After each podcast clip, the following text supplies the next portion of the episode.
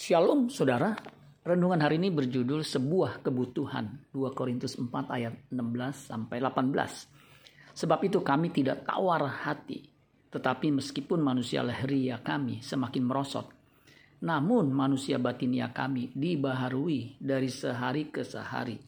Sebab penderitaan ringan yang sekarang ini mengerjakan bagi kami kemuliaan kekal yang melebihi segala-galanya, jauh lebih besar daripada ke penderitaan kami, sebab kami tidak memperhatikan yang kelihatan, melainkan yang tidak kelihatan, karena yang kelihatan adalah sementara, sedangkan yang tak kelihatan adalah kekal.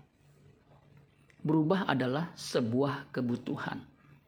Jika manusia batinia kita tidak berubah, akan berakibat kepada kehidupan kekal kita. Itulah sebabnya Rasul Paulus oleh ilham Roh Kudus menulis pesan ini Sebab itu kami tidak tawar hati. Tetapi meskipun manusia lahiria kami semakin merosot, namun manusia batinia kami dibaharui dari sehari ke sehari. Di bagian lain pun Paulus menyatakan hal yang mirip. Roma 12 ayat 2. Janganlah kamu menjadi serupa dengan dunia ini, tetapi berubahlah oleh pembaharuan budimu sehingga kamu dapat membedakan manakah kehendak Allah apa yang baik, yang berkenan kepada Allah, dan yang sempurna.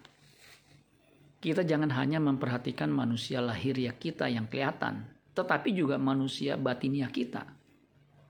Meskipun tidak kelihatan, tetapi nyata dan mutlak dipenuhi kebutuhannya. Kebutuhan manusia batiniah kita adalah firman Tuhan.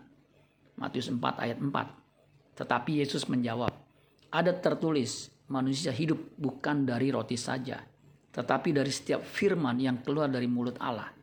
Firman itulah yang akan membarui, memperbaharui manusia batinia kita untuk diberikan tubuh kemuliaan di kekekalan kelak. 1 Korintus 15 ayat 40. Ada tubuh sorgawi dan ada tubuh duniawi. Tetapi kemuliaan tubuh sorgawi lain daripada kemuliaan tubuh duniawi. Mari kita perhatikan manusia batinia kita selagi ada kesempatan hidup di bumi. Amin buat firman Tuhan. Tuhan Yesus memberkati. Sola Gracia.